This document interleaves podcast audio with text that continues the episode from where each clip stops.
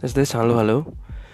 Ini gue Rizky dari SDP 2 tahun 2020 Jadi barusan nih dari uh, maghrib kemarin sampai sekarang jam 8.12 pagi Gue tuh ngedengerin tiga podcast dari Mbak Alamanda Mas William sama hmm, Kang Ronald. Jadi Mbak Alamanda ini adalah mantan vice president dari Gojek. Terus uh, Mas William ini adalah co-founder dan CEO dari Tokopedia salah satu unicorn. Ya Gojek tadi juga unicorn. Terus yang terakhir ini Kang Ronald. Kang Ronald ini aktor atau aktris atau seniman serba bisa lah. Jadi dari ketiganya ini gue dapetin beberapa insight yang pengen gue bagiin ke kalian. Yang pertama langsung langsung aja ya gue bahas. Yang pertama Mbak Alamanda ini.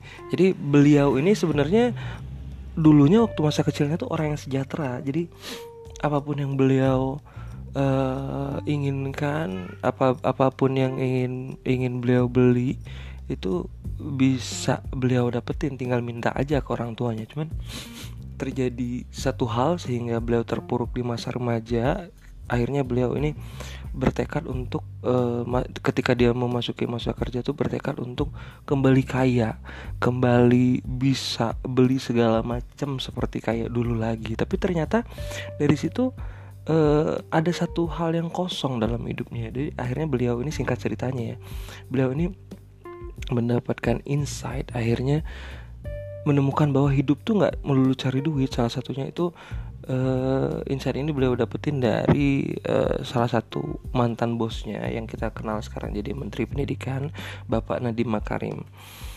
Jadi hidup tuh nggak melulu cari duit. Jadi kita mesti berbagi sama orang lain juga. Tapi jangan lupa buat cinta juga sama diri sendiri. Pada saat yang sama kita mesti bisa cari uang banyak tapi bisa juga ngebahagian orang lain tapi jangan lupa buat ngerawat badan intinya itu.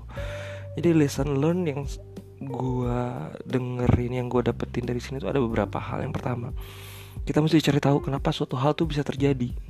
Jadi kita mesti koneksiin tuh hal-hal supaya kita dapat benang merah apa sih yang sebenarnya terjadi dalam hidup kita tuh apa sebenarnya?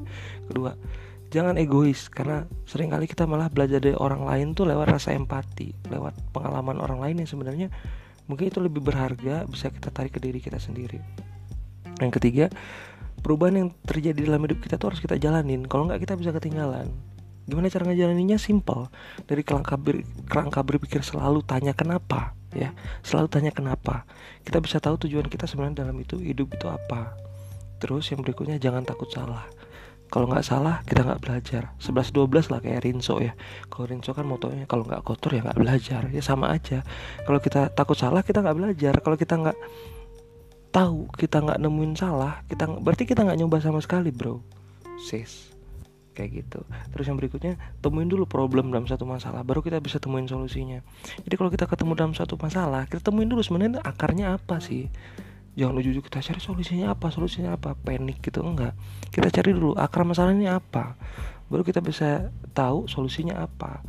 Terus prioritasin yang terbesar dulu batu terbesar itu apa? Baru sini urusin yang kecil-kecil. Kalau ternyata yang kita hadapin tuh ya remeh temeh nggak terlalu berpengaruh dalam hidup kita nggak perlu nggak terlalu berpengaruh dalam organisasi kita masih bisa kita keep move on menjalani hidup tanpa kita selesaikan masalah itu ya kenapa mesti diselesain ya ya mungkin nanti kita selesain tapi nggak dalam waktu dekat gitu.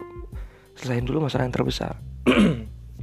Terus yang terakhir berpikir kritis untuk diri kita sendiri.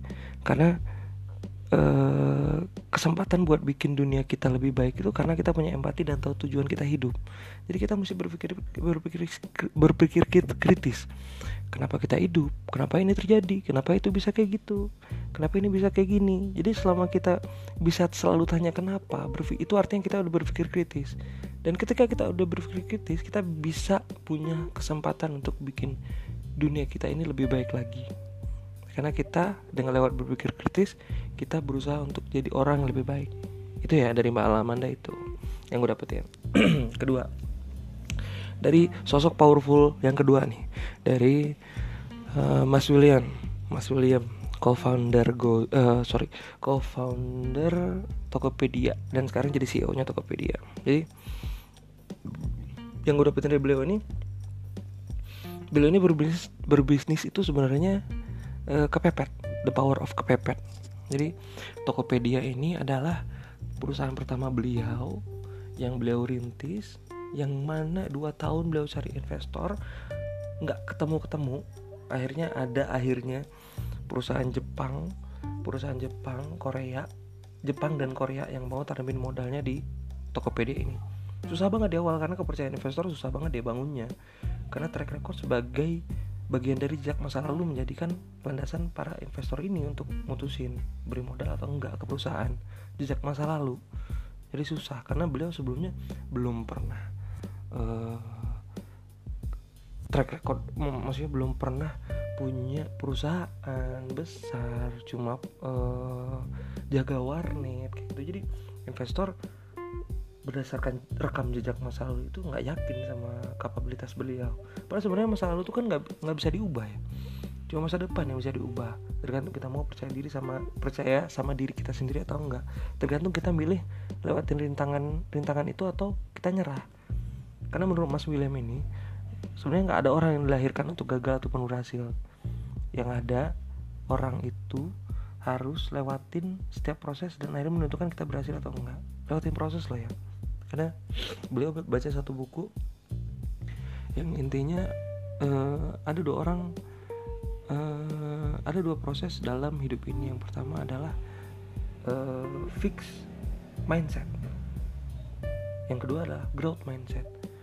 Jadi fix mindset itu adalah kepercayaan bahwa kecerdasan itu adalah bawaan lahir.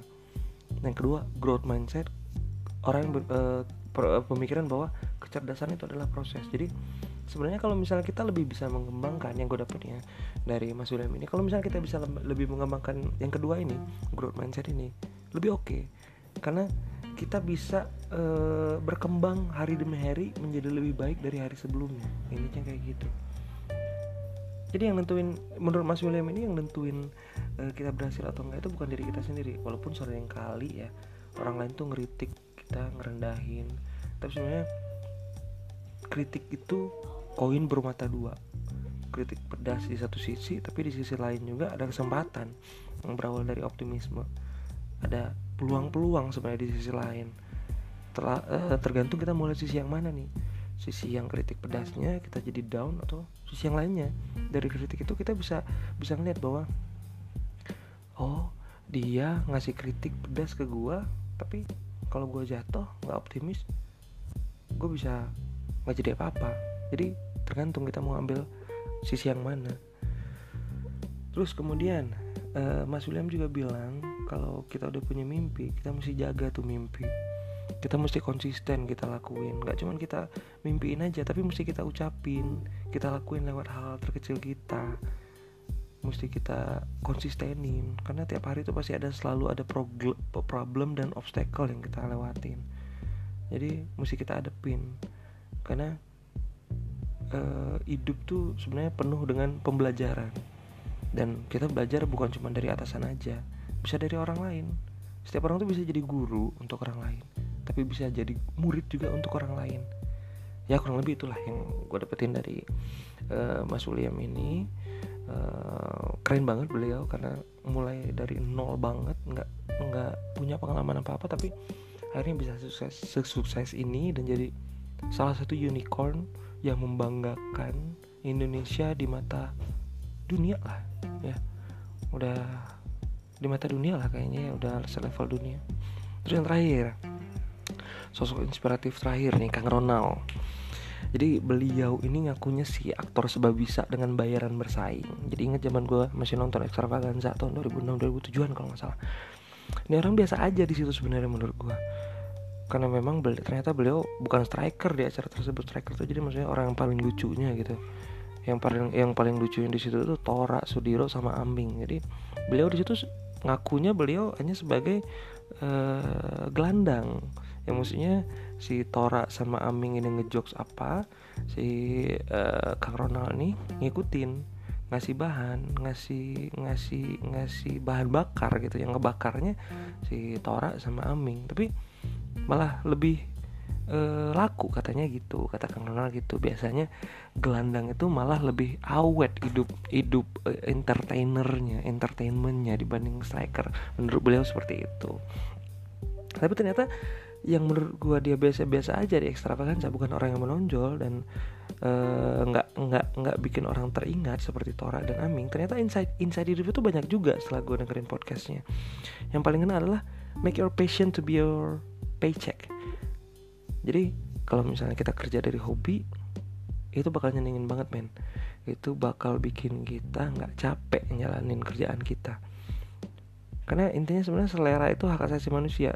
Kita bisa jadi sekreatif apa pun untuk ngerjain kerjaan kita itu. Kita bisa seliar seliar mungkin dengan kreativitas yang kita punya. Masalah koridor peraturan dan peraturan dan lain-lain itu urusan belakangan. Nah supaya kreativitas nggak kebablasan kita harus pinter nih. Banyak belajar cari referensi sebanyak banyaknya never stop learning intinya itu. Karena hidup tuh terus berubah. Makin tua harusnya kita makin baik dari sebelumnya. Kita harus bisa ngalahin diri kita sendiri harus konsisten. Yang pernah kita ngerasa sombong ngerasa kita udah di puncak nih karena setelah di puncak itu apa? Turun men. Turunan. Setelah puncak itu turunan. Jadi udah lu decline dari situ. Udah sampai peak lu decline. Jadi teruslah belajar. Karena ketika terus belajar itu kita terus nanjak. Kita terus uh, improve dari hari ke hari. Kita mesti kenal ini potensi diri kita kekuatan kita kelemahan keberanian ketakutan. Kita kita sendiri yang harus tahu baru kita bisa jalani hidup dengan maksimal kerjain semuanya dengan baik yang penting kita harus kerja keras sorry kerja keras kerja cerdas kerja tuntas dan yang paling penting banget Ben kerja ikhlas. Lu nggak ikhlas ya kelar hidup lu. Stres yang ada. Dapat cobaan stres. Dapat cobaan nggak ikhlas bingung pusing liur. Bahasa Sundanya liur ya. Kelar hidup lu. Jadi intinya yang gue dapetin adalah kerja keras, kerja cerdas, kerja tuntas, dan yang paling penting kerja ikhlas. Mungkin sekian podcast gue dari tiga orang inspiratif ini, tiga orang keren ini.